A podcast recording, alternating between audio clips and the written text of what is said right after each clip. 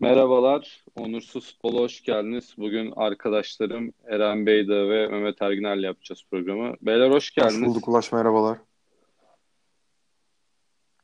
Ee, ya hafta sonu yoğun bir e, futbol gündemi vardı açıkçası. Hani biz de programa girmeden pek iletişim halinde değildik. Bizim de aslında birazcık herkesin kendi kabuğuna çekildiği bir ortam vardı. Ee, genel sessizliği bozmak için ben ufak bir açılış yapmak istiyorum izninizle.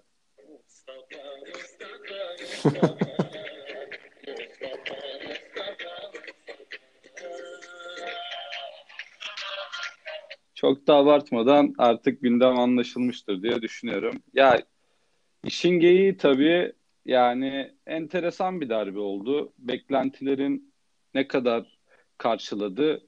Hani dediğim gibi program öncesinde çok birbirimize konuşmadığımız için açıkçası bizde gelişine bir program olacak. Amaçla ilgili değerlendirmelerinizi alayım yavaştan. Onun üstünde zaten daha çok derbi konuşacağımız bir yayın olacak bugün. Ya e, evet enteresan bir maç oldu işin açıkçası. Ee, iyi bir Fenerbahçe izlemedik. Hatay maçında da iyi bir Fenerbahçe izlememiştik. Ee, tabii eksikleri var Fenerbahçe'nin. Ee, son 7-8 haftanın belki de en iyi oyuncusu Pelkas sakattı. Ee, ve Gustavo'nun olmayışı da e, Fenerbahçe'yi fazlasıyla etkiledi. Ee, aslında tam Gustavo'luk bir set oyunu oynandı. Ee, ama Gustavo tabii sakatlığından ötürü e, katkı sağlayamadı. E, Mert Hakan Yandaş galiba ben de artık yavaş yavaş Ulaş senin çizgine doğru gelmeye başlıyorum. E, Sivas'ta izlediğimiz Mert Hakan Yandaş asla bu değil. İyi niyetli, koşuyor, çabalıyor ama olmuyor. E, fazlasıyla sırıttı. Erol Hoca'nın tabii tercihlerine gelecek olursak Tiam'la başlamamış olması çok enteresandı. Güçlü, e, formda ve gollerini atan bir Tiam'ı niye tercih etmedi e, anlayabilmiş değilim. Fatih Terim tabii e, yine kazanmak için gelmişti ve öyle de oldu. İlk yarıda topa hakim olan aslında bence kısır bir e, derbiydi. 0-0 bitse de e, Ozan'ın golü verilse de 1-1 berabere bitse de aslında maçın hakkının beraberlik olduğunu düşünüyorum. Yine konuşacağımız şey çok keyifsiz bir derbi olduğu, pozisyon kısırlığı olduğu. Lafını balla böleyim istersen. Hani bizim Instagram hesabımızı takip edenler biliyorlar yani. Ben anket açmaya çok sevdalıyım böyle maçlarda. Ama yani orada 3 seçenek olmadı ya da ben beceremediğim için ya ben anket açmadım yani. Ben maçın tamamen 1-1 biteceğini düşünen taraftaydım yani. Bu Ozan'ın golünden bağımlı bağımsız. Hani o konuda desteklemek istiyorum seni açıkçası. Ben de bana sorsalar maç berabere biter derdim herhalde. Tabii tabii yani topa hakim olan aslında Galatasaray olsa da ilk yarıya dönüp baktığında Fenerbahçe'nin e, daha net pozisyonları e, zaten rakamlarla da sabit gol pozisyonunu bulan ilk yarıda Fenerbahçe oldu. E, topa hakim olan Galatasaray oldu. E, ikinci yarıya daha istekli e, ve arzulu başlayan Galatasaray 60'ta golü bulunca Orada da bir savunma hatası oldu tabii. 60'ta golü bulunca o dakikaya kadar Mustafa Muhammed'i sahada görememiştik ve o dakikadan sonrasında bal yapmayan Mert Hakan Yandaş gibiydi benim gözümde. Yani her yerde vardı, koşturuyordu, iyi niyetliydi ama ne topla buluşabildi, ne top tutabildi, ne dağıtabildi, ne arkadaşlarını dinlendirebildi. Ee, ama tabii muazzam bir e, ayak içiyle topu köşeye attı. Ee, bu tarz olaylarda yani ben şey için de sizin Yunan bir tane golcü vardı. E, Mitroğlu. Mitroğlu. Mitroğlu. Yani bana Galatasaraylı arkadaşlarım hep diyordu ki işte geldi bir menajerlik oyunuydu bilmem ne. Ben hep şunu söylüyorum. Yani hiç bu toplara girmeye gerek yok. Mitroğlu Galatasaray kariyerinde bir gol attı. 90 artı 4. dakikada o sezon Galatasaray'a şampiyonluğunu getirdi. Hiç böyle bakmıyorum ben o yüzden. Ee, yani Mustafa Muhammed de mutlaka etkili olacaktır ama abartıldığı kadar e, Galatasaray'a faydalı olacağını düşünmüyorum.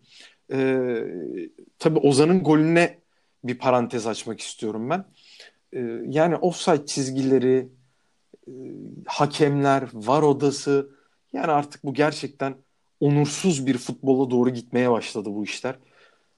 Bana göre gördüğüm fotoğraflardan, gördüğüm açılardan net bir şekilde pozisyon gol ve asla çekilen yani çizgiye de inanmıyorum. Kesinlikle ve kesinlikle e, offside çizgisine inanmıyorum.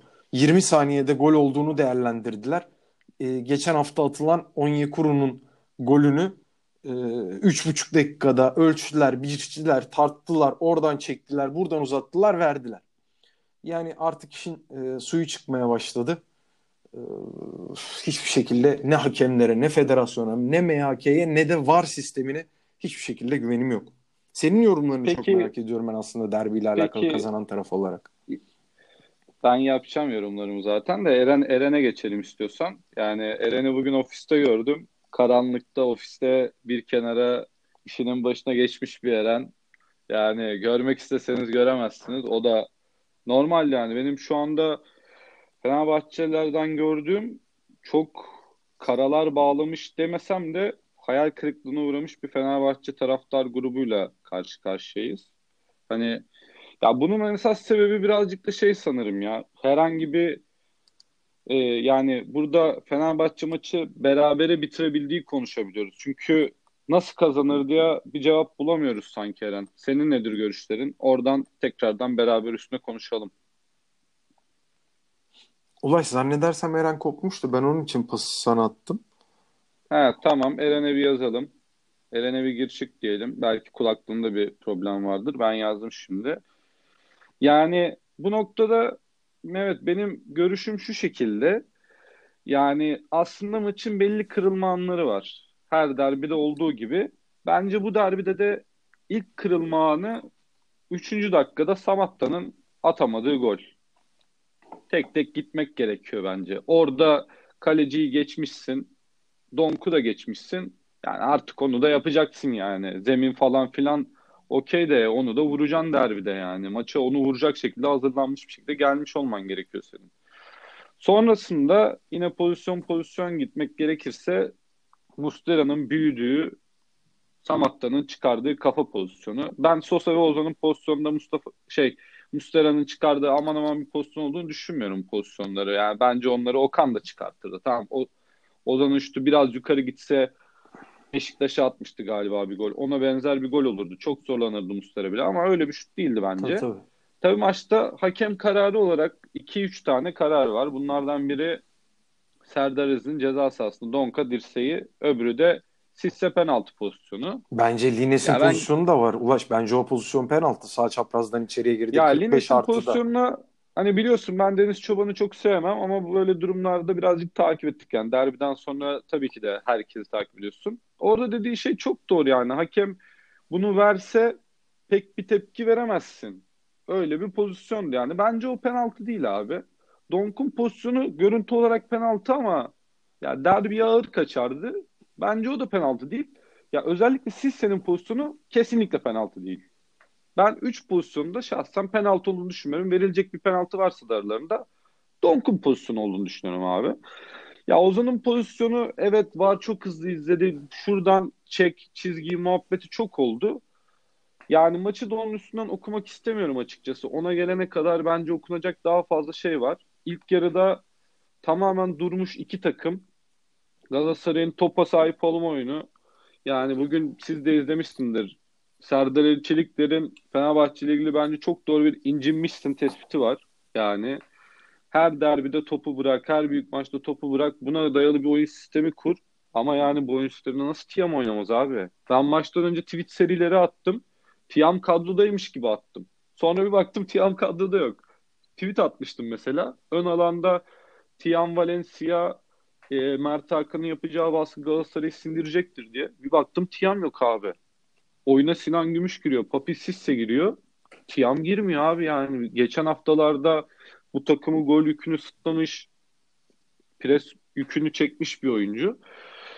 Yani Erol Hoca'nın taktik açısından bayağı bir geride kaldığı bir maç oldu bence. Yine yanlış hamleleriyle beraber taraftarı da esas ümitsizliğe iten noktanın bu olduğunu düşünüyorum. Galatasaray'da ilk yarıda açıkçası sağ kanatta Onyekuru'yla birazcık Caner'i çıkartmama yönelik bir plan uyguladı. Galatasaraylı oyuncuların dile getirdiği gibi ya Fenerbahçe'nin tek bir oyun planı var bize göre. Caner abinin ortaları gibi basite indirgemişler. Ama aslında birazcık da doğru oldu yani. Caner'in ortalarını kitleyince maç bir noktada kitlendi Fenerbahçe adına. İkinci yarı ama belli ki Fatih Terim soyunma odasında Hani beyler bunlarda gelecek bir şey yok. Bir 10-15 dakika gidelim bakalım dedi. Bir tane Onyekuru kaçırdı pozisyon. Sonrasında da karambol bir pozisyonda yani Mustafa Muhammed'in müthiş bir golü. Orada tamamen oyuncu kalitesi.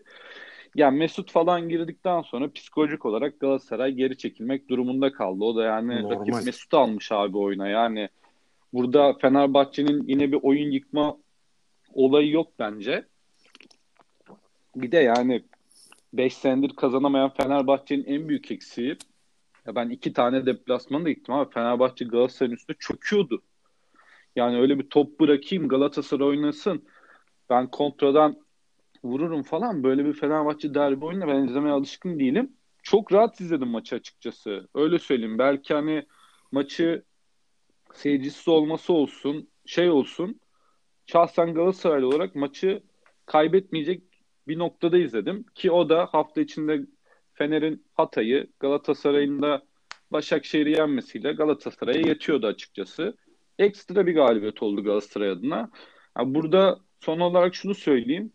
Yani Mustafa Muhammed Fenerbahçe'nin sene başındaki forvet listesinde ikinci sıradaydı bildiğimiz kadarıyla. Bu açıklandı Evet. da. Yani ya Galatasaray aldığı oyuncuyu hemen parlatabiliyor ama yani Fenerbahçe'ye şu anda bakıyorum. Ya Pelkas'la Nazım Sangari dışında gelen transferlerden şunu yükseltti diyebileceğimiz bir oyuncu maalesef göremiyorum ben şu anda. Bu da birazcık hocaya yazıyor artık yani.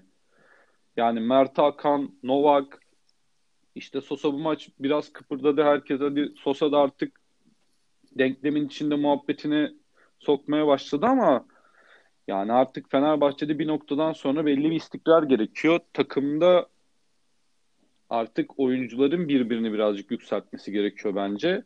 Ama buna dair pek bir ışık açıkçası göremiyorum. Tabii eksikleri de vardı Fenerbahçe'nin ama ya en büyük eksik bence mantalite eksiğiydi.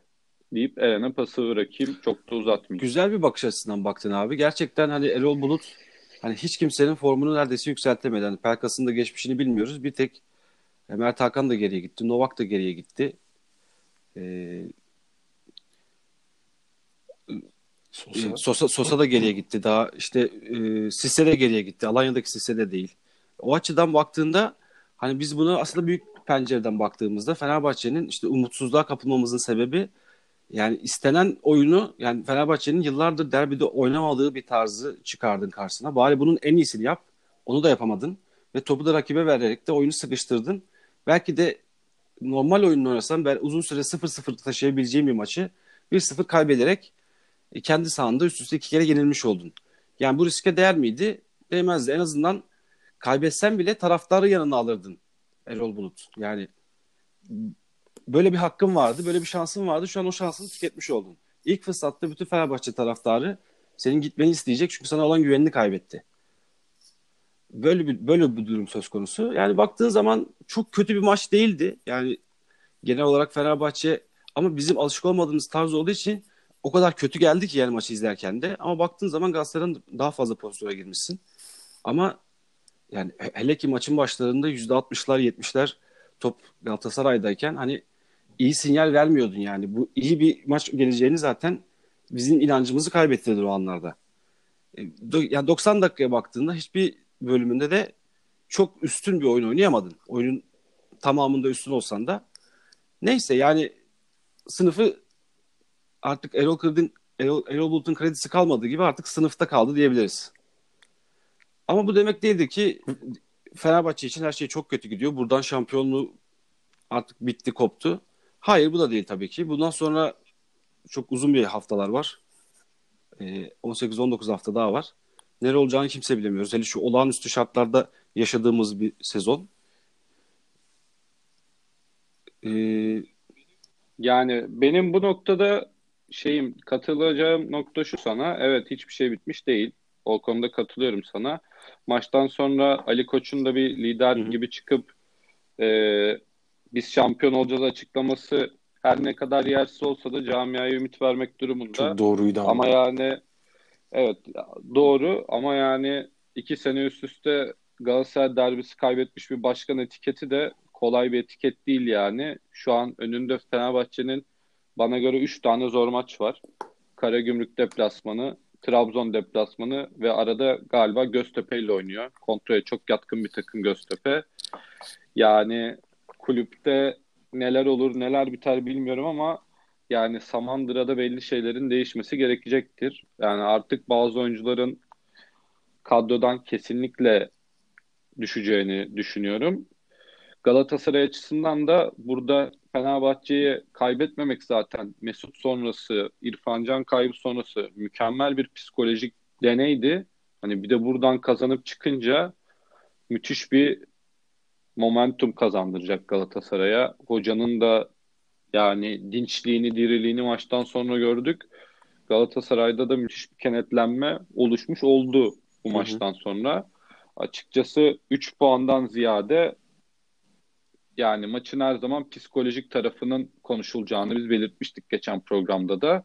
Bence yine aynı noktadayız. Hani zaten 48-48-48 oldular. Beşiktaş'ın da kazanmasıyla bayağı üçü aynı potaya geldi. Galatasaray ikili averajı da almış oldu Fenerbahçe'den. Ve bugün Trabzon'da kazanmasıyla zaten dört büyük ligi haline dönüştük. Acayip de keyifli bir şey bekliyor bizi şu anda. Tabii ben şurada şöyle bir noktaya bıraktığın yerden devam edeyim. İkili averajı aldı. Bu kadar puan puanı ilerleyen birlikte ikili averaj çok çok önemli bir şey. Ve Fenerbahçe'nin bu sezon daha derbi galibiyeti yok. Bu da çok önemli bir şey. Puan puana kaldığın zaman daha Beşiktaş'la oynamadın.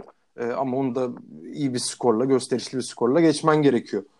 Gösterişli bir skorla geçmen gerekiyor ki üçlüye kaldığında sen bir adım daha belki öne çıkabilirsin. Bunlar bile artık şu anda konuşabileceğimiz şeyler. Ee, bir de e, çok kısa ben size e, bir şey sormak istiyorum. Ozan'ın pozisyonu, Ulaş senin sosyal medyayı çok iyi takip ettiğini biliyorum. Gördüğün pozisyon, resimler, açılar sana göre Ozan'ın pozisyonu gol mü değil mi? Çok merak ediyorum. Aynı soruyu Eren Kanka, için de soruyorum. Ben ben pozisyonu izlediğimde bizim üst kattaki e, komşum farklı bir kaynaktan, ben farklı bir kaynaktan izliyordum maçı. O gol diye çıldırdığında ben pozisyonu izledim. Gol oldu. Ben bir VC molası verdim kendim evde. Hı hı. Döndüm bir baktım WhatsApp'ta arkadaşlar yazıyor. Gol iptal. İlk izlerken gol gibi geldi ama çizgilerin çizilmesi falan filan gerçekten yani omuzdan omuza nokta koy, kola nokta koy. Fenerbahçe'nin de biz programa girmeden bir resmi hesabından paylaşım oldu. Ya gerçekten kimse bunu bilecek yetkinlikte değil yani. Bu bugün Fenerbahçe oldu, yarın Galatasaray olur ama maçın okunacağı nokta bence kesinlikle Ozan pozisyonu değil. Yani ona gelene evet burada belki Fenerbahçe beraberliği kaçırdı diyebiliriz. Okey ama yani ben özellikle 60-70 arasında daha doğrusu yanlış söyledim 54-70 arasında Fenerbahçe'den herhangi bir reaksiyon görememek çok korkutucu bence. Bu önemli değil Ulaş. Yine yanlış yerden bakıyoruz Yok. olaylara. Yani Hayır, ne kadar kötü ben, oynarsa oynasın ha, va, bu olay böyle çizdiği, işlememeli. Kesinlikle tabii, katılmıyorum Varın çizdiği çizgiye inanıyor musun? Heh. Çizgiyi gördükten sonra bence offside. Ama izlerken Peki, offside geçen hafta Onyekuru'nun attığı golü her açıdan gördüm fotoğraflarını. Ona da offside mı yoksa gol mü diyebiliyor musun? Hangisini diyebiliyorsun? Bence o da offside. O da offside. Nasıl çekiliyor peki o zaman? Nasıl güveniyoruz burada var çizgisine abi, o zaman? Abi zaten o yüzden yani yurt dışındaki gibi o var konuşmalarının çıkması lazım ama yani bunun üstünden okursak maç maç gideriz. Her takımın belli kaybı olur. Şimdi burada varda niyet aramıyorum. Aynı var o zaman Serdar'ın dirseğinde de çağırması lazım abi hakemi. Bak ben Donk'un pozisyonunda. Bak biz şu anda üçlü olarak kendi aramızda bunları konuşuyor ve tartışıyorsak ben seninle aynı pozisyondayım. Ben Lines pozisyonuna da kendi düşüncemi katarak söylüyorum. Penaltı veririm diyorum. Bak gördün mü mesela? Ben Ozan'ın pozisyonuna bence offside değil diyorum. Hakem verdikten sonra da çizgi öyle çizilmiş. Ben çizgi konusunda ben, bilgim yok. Ben, ben izlerken ben senin, sana. Ben, ben senin sizin ben, düşüncenizi merak ediyordum sadece. Evet ben, bence öyle ben, veya değil sadece. Ben gol olduğunu gördüm. Dedim sana yani VC'ye gittim. Daha anladım. detay vermeyeyim Mehmet anladım, yani. Anladım tamam. O, Eren sen ne düşünüyorsun? Yani bu çizgilerin oynandığını falan düşünmüyorum açıkçası da. Yani bu işi yaparken var hakemleri nasıl yapıyor? Ya çünkü topu tam durduğu e, anla ayaktan çıktığı an arasında e, sa, sali, saniyelerle ölçemeyeceğimiz kadar küçüklükte farklar olabiliyor. Ama hakem o sırada var analizini yaparken e, tam topun ayağa çıktığı bir saniyede durduruyor. Artık bir saniyede kaç kare alıyorsa durduruyor. Ve onu çizgiyi çekiyor. Aynı şekilde hem topun çıktığı anda durdurduktan sonra hem oradan çizgi çekiyor hem, hem en son Galatasaraylı hem en son Fenerbahçeli'yi çekiyor. Oradan ne çıkarsa. Ya VAR sisteminde bu bir eksikliği ya da bu bunun e, dezavantajı gibi bir şey de olabilir. O tam o durdurduğu anda hakem hangi anda durdurmuşsa oradaki çıkan sonuç o golün kararını değiştiriyor. Ama baktığında yani varla değil bir bilgisayar yardımıyla değil de gözle baktığında hiçbir yan hakemin offside kaldıramayacağı kadar ince bir pozisyonu konuşuyoruz. Tabii canım. Ya o yüzden iki türlü karar vermesi de olabilirdi. Keşke diyorum ben de verselerdi golü bir şekilde 1-1. Yani en azından Fenerbahçe adına kayıp daha küçük olurdu. Galatasaray adına da kazanç daha küçük olurdu. Daha orta yollu bir sonuç olurdu. Ama buradan hem hakemlere giydirmek hem de bu kadar ince bir şeyden ya bu o kadar kısa sürede de art niyet yapıldığını düşünmüyorum. Çünkü çabuk sonuçlandı. 30-40 saniyede sonuçlandı. Hani uğraşsalar 2-2,5 dakika geçse orada bir operasyon çevrildi diyebilirim belki ama benim hatırladığım kadarıyla o kadar uzun bir süre geçmedi. Ya, oyunu da buradan okumamak lazım. Yani Fenerbahçe hakemle kaybetmedi ama ya Galatasaray hakemle kazandı diyebiliriz ama Fenerbahçe hakemle kaybetmedi. Yani böyle bakmak lazım bence oyuna. Doğrudur. Ben, ben ikinizle de aynı noktada yine buluşamıyorum. Ee... Ya ben de o olayı şöyle düşünüyorum. Derbi sonucudan ziyade. Fatih Terim istediği bir derbi oynandı. Tabii tabii. Fenerbahçe'nin müthiş dersler çıkarması gereken bir maç gerçekleşti. Umarım hani öyle olur. Hala ben hala demiştim size gün içinde yani siz çok zaten keyfiniz olduğu için yazmışsınız. Ben hala Tiam'ın neden maçta oyuna girmediğini anlamıyorum. Kimse abi. anlamadı. Abi ben sosyal ligde almıştım yani, ya. Yani o kadar ki bekliyordum, o kadar inanmıştım. Ya. Yani nasıl almazsın? Hadi başlamadın, bir hata ettin. Ben o konuda çok kızgınım kendi adıma Erol, Erol için. Kesinlikle öyle. Peki yani Galatasaray cephesinden yani pozitif konuşacak e, çok fazla şey var. Yani Muslera, Donk, Taylan, Arda, Muhammed çok formda bir beşlisi var şu an Galatasaray'ın. Arda da bence yine iyi maç oynadı. Sağ içinde gerek top tutma gerek savunmaya katkısı vesaire. Yani e, Galatasaray açısından okey oturmuş bir kadro artık var. Forvetini bulan bir Galatasaray var. Daha bu Her takıma şey Getson da gelecek. Daha Getson da gelecek. Line sakatlandı, Saratçı sakatlandı derken buradan zemini giydirmeden edemeyeceğim abi. Çok kötüydü. Belki. Fenerbahçe'nin oyununu hatta o sayının o kaçırdığı pozisyon olsun, başka pozisyonlar olsun. Hepsinde zeminin etken sayabiliriz maalesef. Baya kötüydü yani. Yani hiç derbiye yakışmayacak bir zemin. Ama ülkede bu Fenerbahçe Galatasaray standartında bile düzelemiyor. Fatih Terim bile demişti yani. Benim zeminim de kötü yani. Ben ne diyeyim ki şu anda falan. Hani böyle bir maç geride kaldı. Peki Fenerbahçe için var mıdır bir çözüm önerisi? Ee, dua etmekten başka çözüm önerisi yok. Gustavos e, Pelkas acilen dönmeli. Sakatlıktan kurtulup. E, yani ne yapıp edip yarın mutlaka Mesut'la başlayıp artık iki hafta oldu geleli. Maç eksiğini de kapatmak zorunda. Mesut ve İrfan bu takıma döndükten sonra senin e, programın başında çizmiş olduğun topu verdi, pas yapamadı. Fenerbahçe şu anda 7-8 pası arka arkaya yapamıyor arkadaş. Ama Mesut ve İrfan döndükten sonra mutlaka ama mutlaka hem topa sahip olup hem de pas sayısını fazlasıyla e, hem yüzdesini hem sayısını arttıracaktır diye düşünüyorum. Ya ben de şunu söyleyeyim. Fenerbahçe bugüne kadar ne oynadıysa unutmalı. Topu rakibe verdi, toplu oyunda pas yaptı her neyse. Artık Özil geldikten sonra oynayacak oyunu çok hızlı bir şekilde takımı adapte etmeli. Özil de çok hızlı bir sürede, en hızlı sürede takıma adapte olmalı. Başka e, bir çözümü yok bence. E, tabii Pelkas, e, Gustavo gelince de Mehmet'in söylediği gibi onlar da e, takımın oyununun kalitesi artacak. Bir an önce buraya odaklanması lazım. Olan oldu, geçen geçti. E, maça dair şunu da ekleyecek, e, ekleyecektim. Biraz sert bir de, e, ma- maç oldu. Özellikle Galatasaray oyunu e, sertleştirdi. Hakem ama zaman zaman müsaade etti. Biraz da bir derbi şeyi vardı yani. Derbi maçı izliyorsun sonuçta birazcık da sertlik olmalıydı. Zaten maçtaki atılan tek gole baktığımızda da golden öncesindeki o top kapma savaşı Valencia, Ozan, Belhan da yere düşüyor. Ee, Ozan ayağını tutuyor vesaire. En son top bir şekilde Muhammed'e geliyor. Muhammed'in de gerçekten e, çok kalite bir bitirici vuruşu vardı orada. Tekrar konuyu da oraya bağlayıp e, evet. Ulaş'a dönelim. Ya ben oradan diyebileceğim tek bir konu var bir de yani küfürlü bir ortam oluştu bir. Bunlara gerek yok yani. Başkanlar bile aralarına kadar bozuk olsa da gayet ılımlıydılar maçta. Yani taraftarların böyle şeylerin önüne geçmesine hiç gerek yok şu tarz derbilerde. O kısım bence birazcık üzücüydü. Yani iki kulüp de buradan kendine bir edebiyat çıkardı. Gerek yok. Fenerbahçe'nin de suçlu olduğunu düşünmüyorum burada. Yani organize bir şey olduğunu düşünmüyorum. Ee, dediğim gibi Ali Koç'un takımı ayağa kaldırmak için bak basın açıklaması yapması bence çok önemli. Yani başkanlığını eleştiriyorum. Hala çok az eleştirildiğini düşünüyorum Ali Koç'un başkan olarak.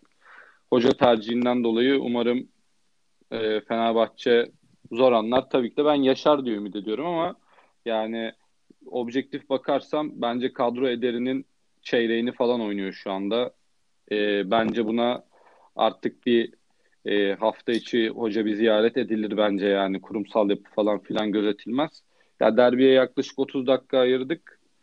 E, bence diğer maçlara geçebiliriz buradan. Beşiktaş'la Trabzon'u birlikte de konuşabiliriz. Beşiktaş 10 kişi kalmasına rağmen İsmail Kartal'ın kovulmayı son derece hak edeceği bir maç sonucunda 80 dakikalarda Rozier'in golüyle sosyallikte de nadir puan aldığımız defans oyuncularından kendisi e, galibiyet aldı.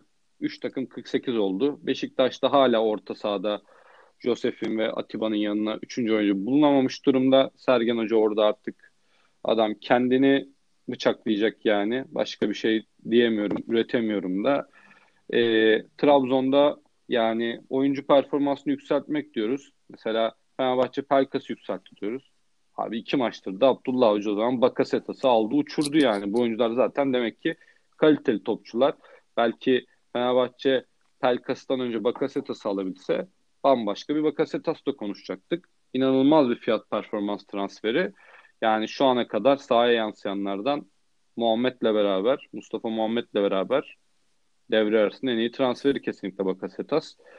İki takım ve zirve yarışı hakkında düşünüyorsun? Yani ben artık Trabzon'da girdiğini düşünüyorum. Üç hafta sonra da bir Trabzon-Fenerbahçe maçı var açıkçası. Eğer orada da bir Trabzon bir sürpriz galibiyet alırsa bu zirvede sadece üç büyükler yalnız kalmaz gibi geliyor bana beyler. Yani ligin daha ortası olduğunu düşünürsek 6 puanlık bir fark çok değil. Yani geçmişte de 6 puan farkı kapatıp gelenler oldu. Yani Trabzon bunu yapabilecek midir? Ee, belki bir, bir tane yukarıdan birini yanına çekebilir. İlerleyen haftalarda belki şampiyonluk mücadelesi ikiye düşebilir ama dört takımın birden şampiyonlukla yürüyeceğini düşünmüyorum açıkçası. Ligin Mehmet şeyi bunu kaldırmaz yani. Yani şimdi geçen hafta dinleyiciler hatırlayacaktır. E, Trabzon'un artık yarışın içerisine dahil olacağını ve bu iyi oyunun devam edeceğini söylemiştim kendi adıma.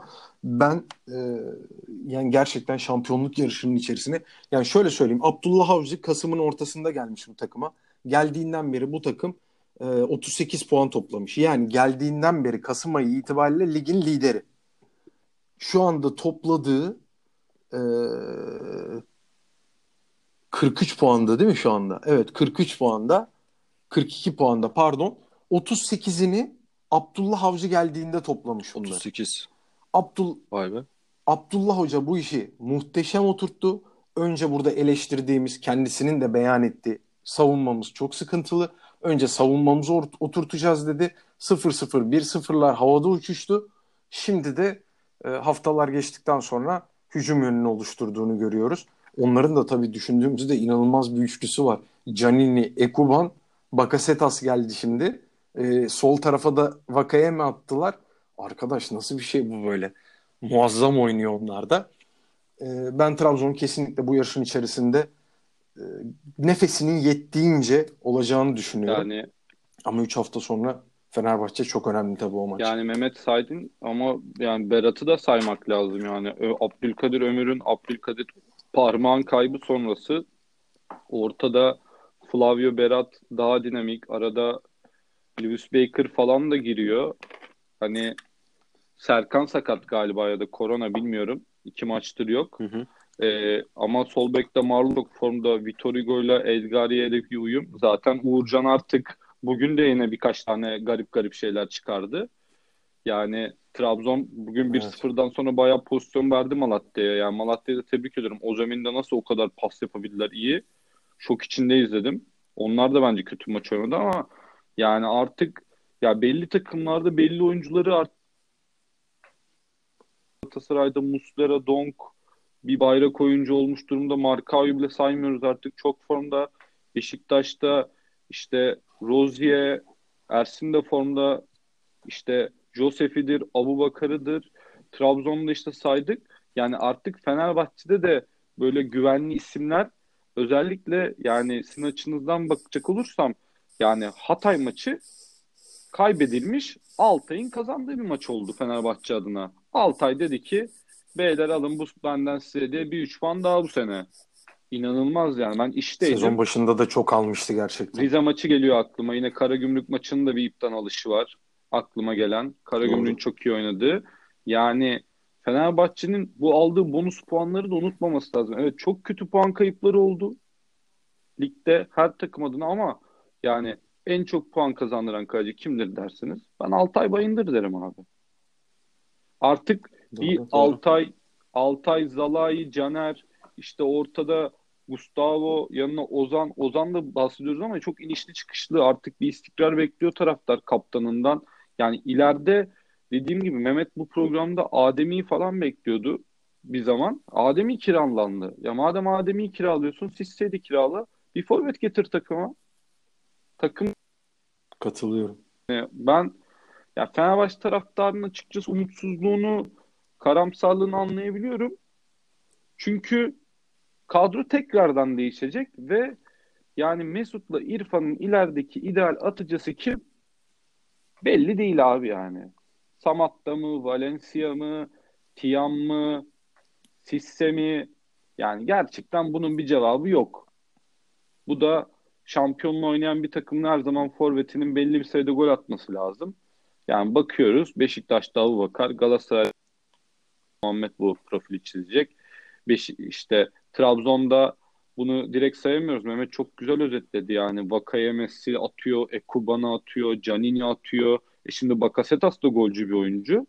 Artık 9 golü var şu anda ligde. aynen Fenerbahçe'nin de bir tabii Pelkas'tan aldı, Tiam'dan aldı ama istikrarlı bir baba 9 performansı artık muhtemelen Samatta'dan beklenecek. Ama Samatta o ışığı vermezse acil olarak Tiam'a dönülecek gibi geliyor bence. Tiam'la da şampiyon takımın forveti Tiam'da yani bu orta sahanın başarısı bir şampiyonluk olur bence. Diye düşünüyorum. Topu tekrardan size bırakayım.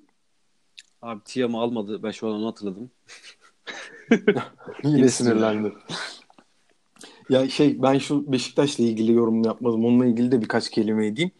Ee, şimdi şu Beşiktaş Konya maçı yani inanılmaz yine Konya kapandı. Beşiktaş ortadan hücum etti. Beşiktaş hiçbir şekilde yine 0-0'ı sezon başından beri söylediğim gibi oynayamadı. Açamadı kilidi. Ee, yalnız Sergen Hoca ya inanılmaz bir şey yapıyor ya. Oğuzhan ve neydi o on numaralı? Daiç. Ella için haricinde takımdan almadığı, performans almadığı bir tane oyuncu sayamazsınız ya. Çok enteresan. Ve Sergen Hoca 70'te gol gerekiyor. Baskı altına almışsın. Açamıyorsun kilidi. Abubakar gibi en golcü, Beşiktaş'ın en golcü oyuncusunu oyundan alıyor. Yerine Enkudu'yu sokuyor. Larin'i merkeze çekiyor. Bu da bence maçı izlerken çok şaşırdım. Çok e, cesurca bir hamle geldi bana. Ee, Necip tabii çok enteresan bir topçu. En sakala çok erken kırmızıyı görünce Necip'i sola attı. Orada bir anda her şeyler değişti. Josef inanılmaz bir performans sergiledi. Yani Josef tam bir bir futbol takımının orta sahası. Hangi takıma koyarsan koy şu anda. Muazzam ya, muazzam gerçekten. Ee, yalnız ben Beşiktaş'ın geçen haftaki maçına bir de e, çok kısa bir e, değinmek istiyorum. Antalya maçı yine e, Antalya maçıydı değil mi? Tabii yine açamadı Antalya'yı. Ersun Hoca 6 yedikten sonra Hatay'dan hiç bilmediğimiz yönünü görmeye başladık. İnanılmaz bir savunma yaptırmaya başladı. E, nitekim de e, iki haftada 5 puan kaybetmiş olmuştu e, Beşiktaş bu haftaya gelene kadar. Antalya'da bir beraberlikle sonuçlandı. Yalnız Sergen Hoca'nın Antalya maçından sonra açıklamaları benim çok dikkatimi çekti. Yine verdi, veriştirdi, salladı. Bu maç sonrasında kaybettikten sonra rakip hocaların taktiklerine sallamak yeni adet oldu diye tahmin ediyorum. Yine kapandılar, ettiler, yerde zaman geçirdiler falan diye açıklamalar yaptı. Öldü zannettim ama kalktı ayağa falan dedi Sergen Hoca.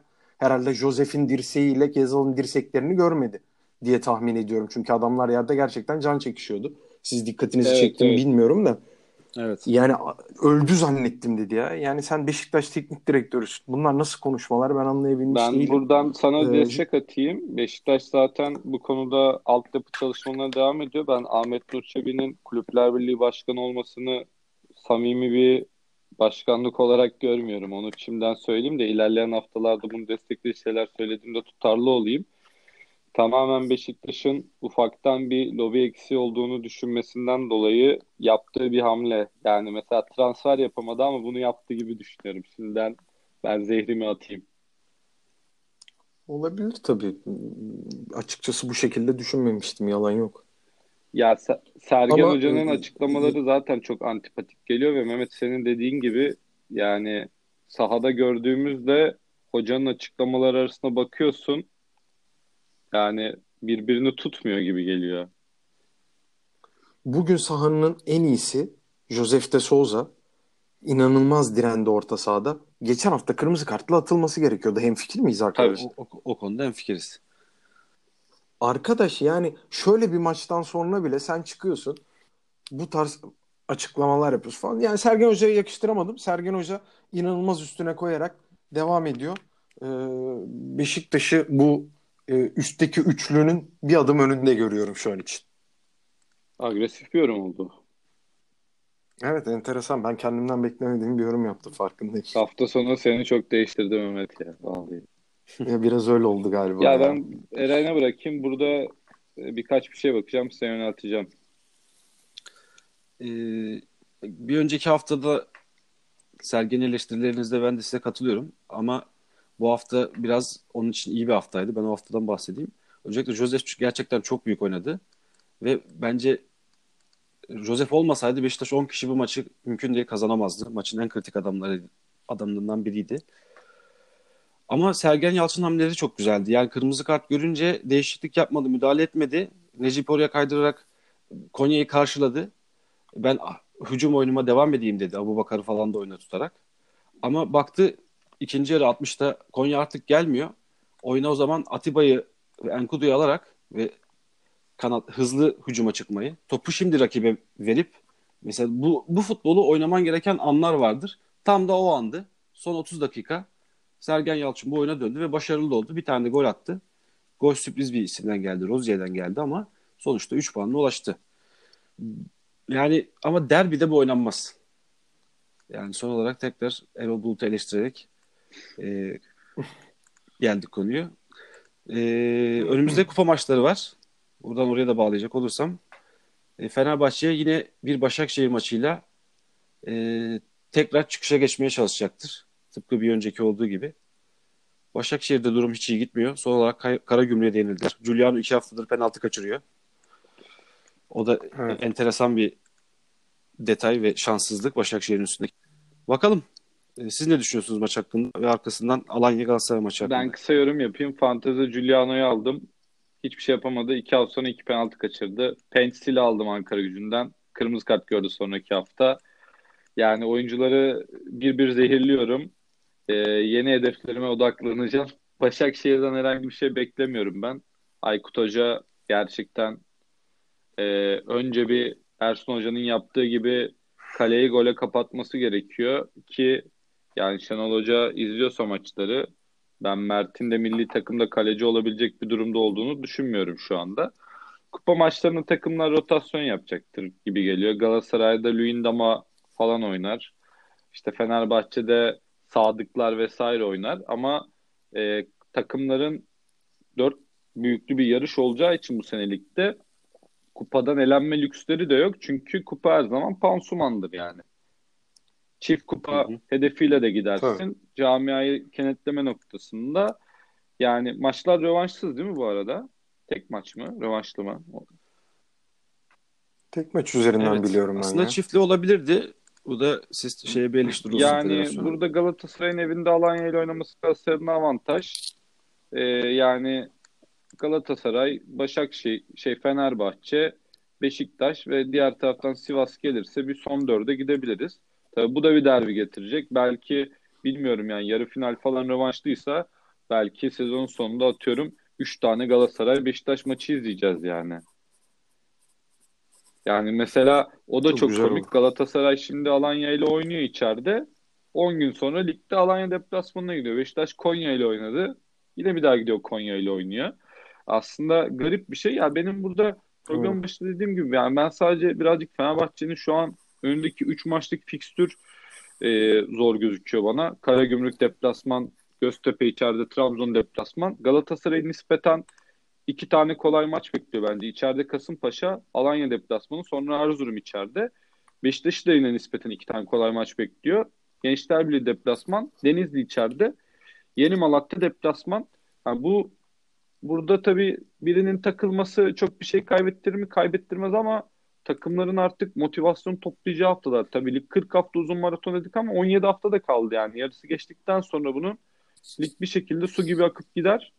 Ee, takımların artık seriyi yakalayan takımlar fark yaratacaktır diye düşünüyorum. Açıkçası e, ben bu konuda Galatasaray'dan bir noktada ümitliyim yani. Şu anda e, güzel giden bir serisi var Galatasaray'ın. E, yani Fenerbahçe, Başakşehir, öncesinde Antep, Malatya, Denizli, Beşiktaş mağlubiyetinden sonra 5'te 5 ilaç oldu Galatasaray'a. Hani artık takımların serilerini büyütmesi gereken haftalardayız. Ee, onun için de özellikle bu haftaki maçların da çok önemli olduğunu düşünüyorum ben. Evet. Yani doğru söylüyorsun. Yoğun bir maç maratonu yaşandı Ocak ayında. Şubat ayı da aynı şekilde hızlı girdi. Hala arka arkaya maçlar geliyor. Tam haftada bir maçlara da geliniyor artık. E, kupada da herkes rotasyon yaparsa e, şu an e, büyük takımların takılmak istemeyeceği haftalar. E, bakalım bu 3 haftada liderliği kim taşıyacak? Ta ki milli, milli maç arasına kadar bir 4-5 maçlık maratonda. Ondan sonra tekrar e, farklı hesaplar yapılır.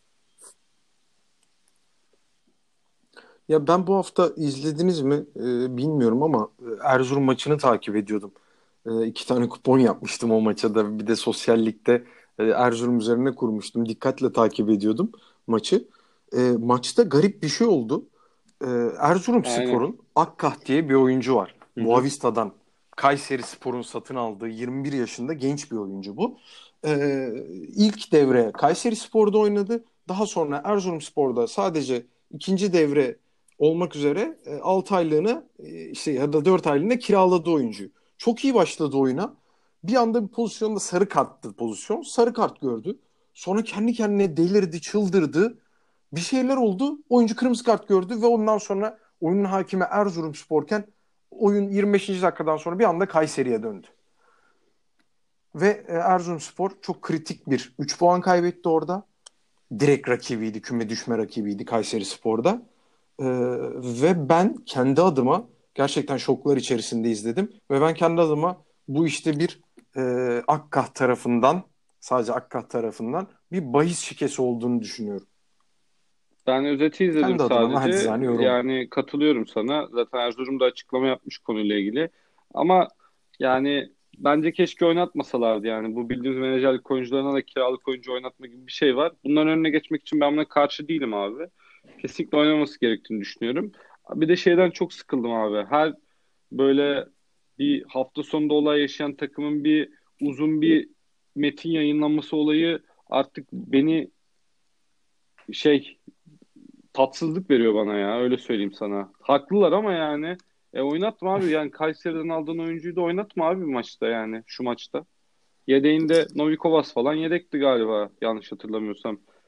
Emrah Baştan falan yedek, Emrah yedek yani yedekti. anladın mı? Nurkavus oynuyordu. Sen Akkah'a mı kaldın Kayseri maçında? Akkah'ı da haftaya oynat. Evet. Kimse almamış Akkah'ı yani. Evet. Nitekim zaten oradan da kaybetti. Enteresan işte. bir olay daha. İki, bir hafta önce Kayseri Spor'daydı. Bir hafta sonra böyle bir olay yapıyor. Ee, zaten e, etik kuruluna da sevk edilmiş galiba. Ben de haberlerden takip ettim. Olayı daha Öyle sonra mi? e, şi- şikayette bulunmuş Erzurumspor. Olayı etik muhtemelen etik kurulda incelemeye alacakmış. Yani ne Olay çıkar buradan büyümüş. bilmiyorum ama e, Ulaş'ın dediği de çok haklı. Her hafta herkes bir şeyler söylemeye başladı. Mesela işte e, geçen hafta Antalya maçında Veysel'in sarı kartının iptal edilmesi gerektiği yine e, kulislerde dolaşan bir şeydi. Yine istenen bir yazıydı. Bunun Rafael'in arkasından olayı olması tarihte Rafael olarak Rafael olayı olarak e, adını yer aldı. Bundan sonra ilerleyen haftalarda da bunu sık sık değineceğiz galiba. Olacak ama daha çok olacak Eren. Ee, yani onu burada programda da konuştuk. Bunun kapısını bir kere açtın. Bundan sonra her hafta o uzun uzun metinleri bu tarz sarı kartlar da daha ya çok Veysel'in pozisyonu arkadaşlar. bence sarı kart değil de yani o itiraz edecek bir pozisyon değil. En azından orada foul var yani. İyi kötü. Yo yani en azından adam belki bunu biliyor ama adam şeyi de yani ortalığı karıştırmak tabii ki. açısından da bu açıklamayı Tabii yapıyor. ki Daha önceki Türkiye'de haftalarda gördük bunun her örneğini. zaman çok satıyor. Ee, Tabii tabii. Yani tabii. her takım kullanacaktır. Buna da dediğin gibi Eren'in hani Rafael terimi girdi artık futbolumuza. Kimse de bir şey diyemez yani. Bu artık öyle bir gündemimiz oldu yani. Sarı kartı itiraz etme, kırmızı kartı itiraz etme falan. Ee, bir soru sorayım size. Arda Turan ceza alır mı sizce? Almalı mı? Almaz. Yani Bence de Bence almamalı yani. almamalı. Ama verilebilir. ya sosyal medyadan ceza alma biraz il- ilginç bir olay ya. Daha önce bir tek Aynen. Felipe Melo olmuştu bu Melo. şekilde ama ya burada da küfür var ama şimdi ama bu sosyal medyadan da her şeye ulaşılabilir. Yani bunun önünü de alamazsın yani. Abi. Bilmiyorum. Yani Yani Felipe Melo olayına kim yaparsa yapsın aynı fikirdeyim. Yani bir Fenerbahçeli topçu da Beşiktaşlı topçu da bu tarz bir şey yaptığında ceza almasından yanayım kendi adıma. Ama böyle adam netice itibariyle çekip paylaşıp koymamış ki bunu. Türkçe bilmeyen adam çekerken o saniyesinde o takılmış. Ha Arda'nın yaptığı Fenerbahçe soyunma odasının yan tarafında e, tabii bunu bilerek kasıtlı bir şekilde yapıyor. O ayrı bir olay ama ceza gerektirdiğini düşünmüyorum defa- kendi adıma. Kadıköy deplasmanı ma- galibiyeti görmüş. Bence bir daha göremeyeceğini falan da düşünüyor. Tamamen kayış kopmuş yani. Yani istemli kıracağını düşünmüyorum. Yani çünkü çok saygı duyduğu Emre, Caner, Volkan falan var. Yani o zamandaki Sulu Derbi'deki olaydan sonra Fenerbahçe'ye karşı aşan açıklamaları yok şu Arda'nın. Sadece kendi sevinci ama yok. Ya senin söylediklerine hiç tamam. katılmıyorum. Yine aynı çizgiye gelemeyeceğim Yılın ama Arda ile ilgili çok şey konuşurum da program yetmez. Sen beni Şaşırtıcı biliyorsun. bir şekilde. yani Ya- Kesinlikle Yani diyebiliriz biliyor musun? bu maçta da Hiç çok bu katkıyı yaptı. Konuşuruz yani yılın beklenmedik transferlerinde ya Arda'dır, Nazım falan da mesela bu klasmana girer. Rozier de girer ama Yani Abi kusura bakma da Nazım Arda'ya Onyekuru'yu değiştirtirdi. Onyekuru orada olmadı. Bir de Arda geldi. Sarakki'nin arka ya Fenerbahçe bu arada 3 Nazım puan kaybetti ama mükemmel bir top Galatasaray'ın bekini de zeminden götürdü yani birazcık. Fizik kaliteden de eksikleri var tabii ama yani ya o zeminle Fenerbahçe devam ederse yani Mesutlara falan yani Mesut'tan bir şey bekleme yani. Bu arada Mesut'a da ufak bir parantez açalım. Yani müthiş bir top kesti. Sağdayken kesinlikle topun onun üstünden dönmesi gerektiği aşikar. Adam buram buram yeteneğim diye bağırıyor. Benim bunu söylememe gerek yok. Artık takımda Mesut nasıl konumlanacak? Mehmet'in dediği gibi bizim kupa maçıyla itibaren bunu görmemiz lazım. Hafta sonu dair başka ekleyeceğiniz bir şey yoksa isterseniz yavaştan kapatalım. Zaten bir 50 dakika falan bir yayın oldu ama geçen derbi yayınımız gayet beğeni toplamıştı. Bence bu yayın da yine güzel bir sayıya ulaşacaktır. Yani bize sorulmuş Instagram'dan falan Spotify'dan ayda kaç para kazanıyorsunuz falan arkadaşlar yani bizim para kazandığımız herhangi bir işimiz dışında bir kanal bulunmamaktadır maalesef. Ben de isterdim ama yani yarın sabah 6.30 alarmlar kurulu yani. Sıkıntı yok.